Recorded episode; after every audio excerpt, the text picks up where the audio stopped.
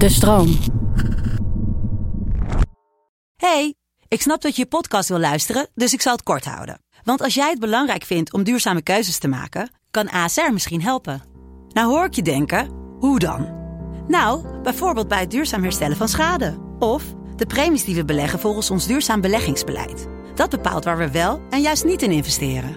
Wil je meer weten over welke duurzame keuzes ASR maakt? Ga dan naar asr.nl slash duurzame keuzes. ASR doet het. Zo, dan kan je nu lekker naar je podcast luisteren. Er is een belangrijke onderscheid te maken tussen sterren. Je hebt eigenlijk heel simpel, je hebt zware sterren en je hebt lichte sterren. Supersterren en B-garnituur.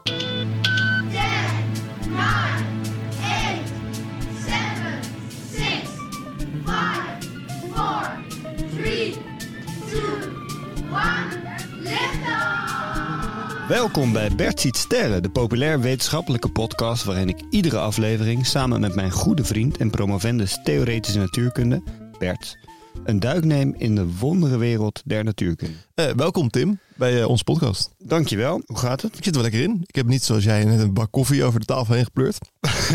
Ja, dat was wel knap hè? Ja, dat was echt knap. Gewoon, oh Tim, oh, ik heb echt zin in koffie. Komt hij aan met zijn koffie en eh, ja, toen, voor je weet lag de koffie op tafel. Hij was voor de dead homies. hey Bert, eh, weet je wat mijn lievelingsfilm is? Eh, de Leeuwkoning, Was het wel een tijd. Dat dacht ik al. Maar die tijd is ook wel lang geleden. Ik denk een jaar of 20, 25 dat Ja. die wel achter me ligt. Lord of the Rings 2? Nee, eh, A Star is Born. Ja, nice. Nee, is niet mijn lievelingsfilm, maar het is een bruggetje. Goeie film, hè? Ja, toch? Ik dacht, ik ging heel sceptisch ki- kijken naar die film. nee man, dat kan. Maar En dat was na 20 minuten helemaal Man. weg. Bradley Cooper, Lady Gaga. Ja, echt goed, hè? Ja, heel ja, vet. sick. Maar in ieder geval, eh, je ziet in die film, spoiler alert, hoe Lady Gaga en Bradley Cooper sterren worden eigenlijk. Nee, Bradley Cooper was al een ster. Oh ja, Lady Gaga een ster wordt. Maar toen vroeg ik mij af, hoe zit dat eigenlijk met echte sterren? Niet dat Lady Gaga en Bradley Cooper geen echte sterren zijn, maar zeg maar ruimtesterren. Ruimtesterren. Sterren in de ruimte. De levensloop van een ster. De levensloop van een ster. Hoe weten de... Hoe... Hoe... Hoe... hoe? Hoe, hoe. Het is weer- Jansen. Hoe... Hoe... hoe. Hoe? Eh, hoe? Hoe wordt een ster geboren en ook hoe gaat een ster weer dood? Ehm, nou ja, dat kunnen we gewoon, kan ik gewoon doen, Tim. Sterren worden altijd geboren uit stof en gaswolken. Daar hebben we het al wel eens over gehad. Eh, en moet je je voorstellen dat het dus echt heel veel stof is. En die stofwolken die eh, trekken elkaar aan onder eh, invloed van de zwaartekracht. En dan zal je zien dat als er een kleine verstoring kan optreden, dat die wolk als gaat instorten. Maar wat is een klein... Want het is... Een, een stofwolk klinkt best chaotisch. Ja, het is ook rood. Het zijn, van die mooie nevels die je ook wel eens... je Ja. wel, laatst nog van de, bij de Hubble, eh Hubble Ja, nee, tuurlijk. Maar Ja. als jij zegt een kleine verstoring en dan worden ze, eh, storten ze in elkaar. Wat kun je binnen een chaos verstoren? Er is niet echt orde. Nou ja, maar het is niet dat alle massa heel erg mooi gelijkelijk verdeeld is. Op het moment dat er meer massa op een plek gaat samenklonteren, kan het soort van het evenwicht van de druk naar buiten van die deeltjes die een beetje een soort van een druk hebben en de zwaartekracht naar binnen kan verstoord worden, waardoor het in een versneld proces gaat instorten. Dat is, dat is, dat is het idee. Oké. Ehm, en dan gaat uit die grote wolk eh, wordt dan een ster geboren. Star was born. En nou, zo'n ster leeft een tijdje. En uiteindelijk eh, gaat zo'n ster dood. Dan is de vraag, wanneer leeft een ster? Nou ja, als een ster kernfusie doet.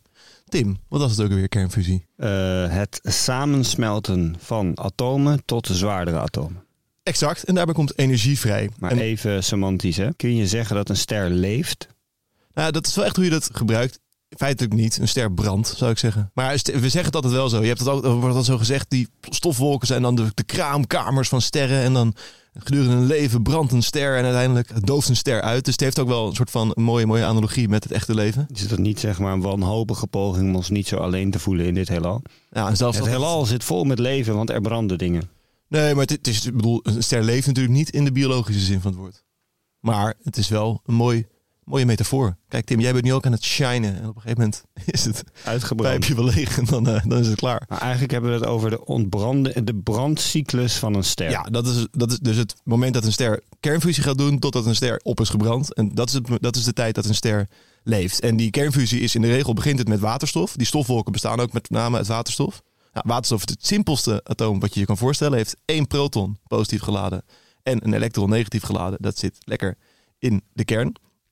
Eh, en die waterstofatomen gaan dan samenvoegen via een soort van kleine, kleine cyclus, of klein proces van reacties tot helium, zwaardere atomen. En daarbij komt die energie vrij. Dat is een soort van het basisproces. En op een gegeven moment is dan de waterstof op en dan gaan, gaan er, komen er zwaardere elementen eh, aan te pas. En dan is het uiteindelijk het moment aangebroken dat een ster opgebrand is. En ik weet eh, uit een eerdere aflevering dat is tot ijzer, toch? Dat het steeds zwaarder wordt. Ja, maar dat is wel voor sommige sterren zo. Dus er is nu wel een belangrijk moment eh, in het. eh, er is een belangrijke onderscheid te maken tussen sterren. Je hebt eigenlijk heel simpel: je hebt zware sterren en je hebt lichte sterren. Supersterren en B-garnituur. Je hebt supersterren en B-garnituur. Maar kijk, de zware sterren die zijn nou, heel heet, heel zwaar. En die hebben eigenlijk maar een kort leven met een knallend uiteinde.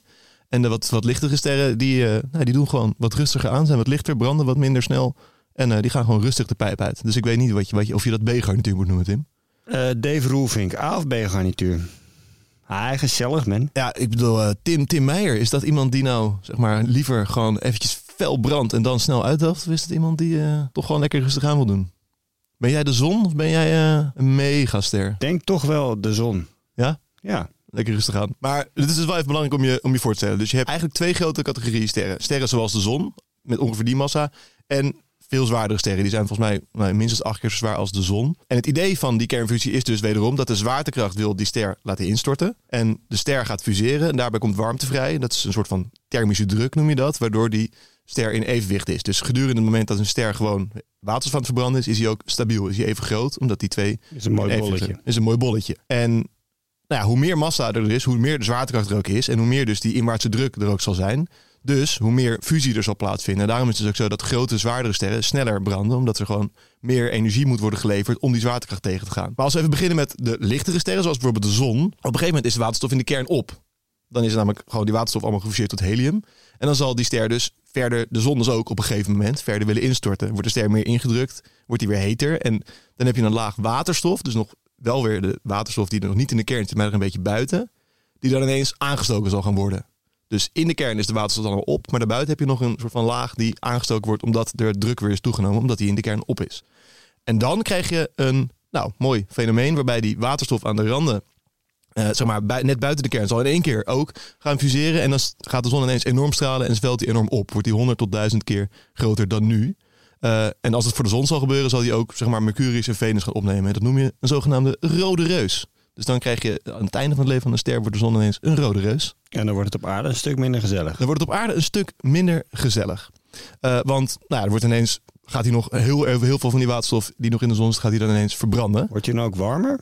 Nou, leuke vraag. Physical fun fact. De zon, als hij een rode reus wordt in de laatste fase van zijn leven en ineens nog heel veel waterstof gaat verbranden, dan zou je denken dat hij juist ook heel heet wordt. Maar de temperatuur aan het oppervlak van de zon neemt dan juist af. Alle energie, en er wordt wel meer energie opgewekt, moet namelijk over een groter oppervlak verspreid worden. En daarom wordt de zon aan de randen half zo heet als hij nu is. Hij wordt dan ook rood, een rode reus, in plaats van het huidige wit-geel. En rode straling is ook straling van een langere golflengte, dus van een lagere energie. Wordt het dan alsnog niet heter op aarde, omdat hij dichterbij komt? Eh, dat wel. Dus we zijn wel... eh We zijn wel fact. Ja, maar tegen die tijd hebben we het zelf al lang verneukt, joh. Dus daar hebben we helemaal geen last meer van. Eh, dat is inderdaad, wel, kan je wel stellen. Ja, de zon is nu 4,6 miljard jaar oud. Ehm, en eh, de verwachting is volgens mij dat die, nog, dat die ongeveer, dat ongeveer halverwege zijn. Dus we hebben, we hebben nog wel even. Ehm, en voor zo'n ster van het formaat van de zon zou je dus zien dat na die... eh, dus eerst die waterstof tot helium. En na het fuseren van die waterstof tot helium... dan gaat de zon uiteindelijk daarna de nieuwe gevormde helium weer als brandstof gebruiken. En dan wordt helium gevormd, omgevormd tot koolstof, waarbij weer energie vrijkomt. En dan heb je eigenlijk een soort verhaling van dit proces. Dan is op een gegeven moment de helium die nu in de kern zit, is op. En dan wordt er nog een keer een schil van eh, helium buiten de kern aangestoken. En dan krijg je dit nog een keer. En dan is het ook meteen wel klaar. En dan worden die soort van die buiten, hij nog een keer op. En wat er dan nog aan de buitenkanten gevormd wordt, dat wordt een beetje zo afgestoten. En in de binnenkant, eh, of in de kern, klapt eh, de zon dan, blijft, blijft er eigenlijk een mooi bolletje achter. Een zogenaamde witte dwerg. De zon is een flinke joekel, maar op kosmische schaal een lullig sterretje, toch?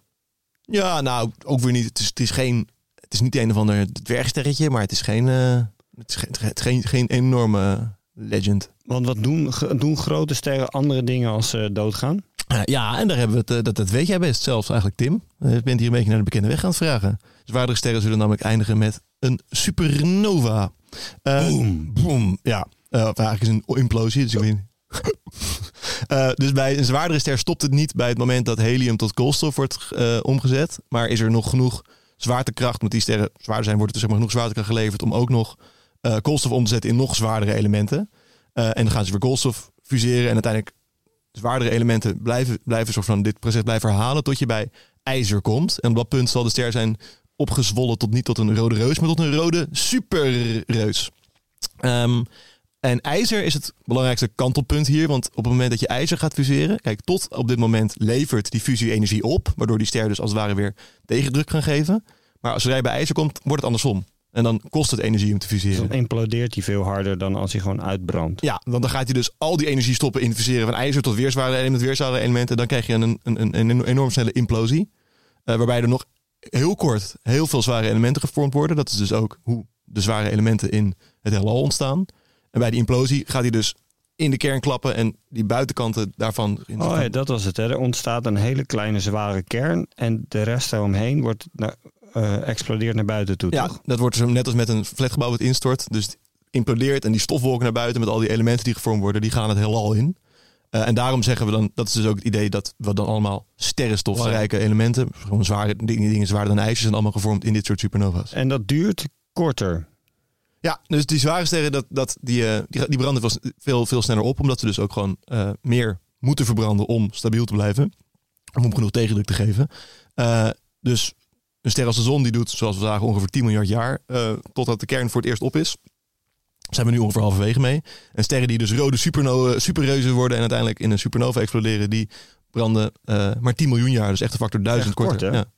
Ja, maar dan ben je wel even flink aan het shinen, Tim. Dus het is ook gewoon, eh, sommige, sommige sterren vinden dat misschien gewoon chiller. Maar dat hele proces duurt 10 miljoen jaar. Ongeveer ja, totdat het moment dat voor het eerst de, de, de eerste brandstof in de kern op is. Zeg Oh. maar. En dan gaat het zeker bij een supernova gaat het dan ook echt heel snel. Want dan stort die in en dan krijg je gewoon een heel snelle cyclus die, die zwaardere elementen die gevormd worden. Ja, vet man. En dan is, het, dan, dan is het klaar. En dan blijft er daar dus bij een zwaardere ster blijft dan ook niet een witte dwerg over, maar dan heb je een uh, neutronenster of zelfs een zwart gat. En wat doen die neutronensterren dan? Een zwart gat is een plek die allemaal dingen aantrekt.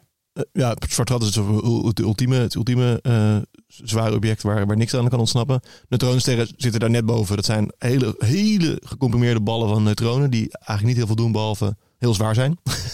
en we, we, kunnen ze waarnemen doordat ze wel uh, vaak elektromagnetische straling uitzenden. Dus ze hebben net als bijvoorbeeld de aarde hebben ze ook polen, waardoor je in en ze we hebben vaak een draaibeweging en je kan dus wel een soort van elektromagnetische pulsen zien van neutronensterren. Dus we kunnen ze daarmee dan wel zien.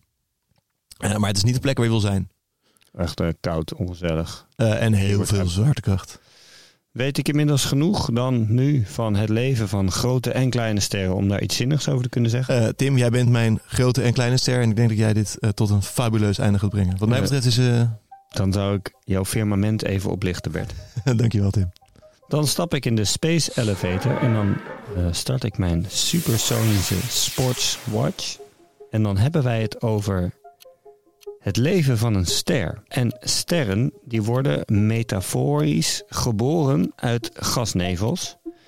Uh, die trekken elkaar aan en als er dan een kleine ding gebeurt, dan uh, stort dat in één en dan heb je een ster en die gaat branden. Uh, en die verbranding dat is een proces van kernfusie waarbij waterstofatomen smelten, samensmelten tot helium en daarbij komt heel veel energie en warmte vrij.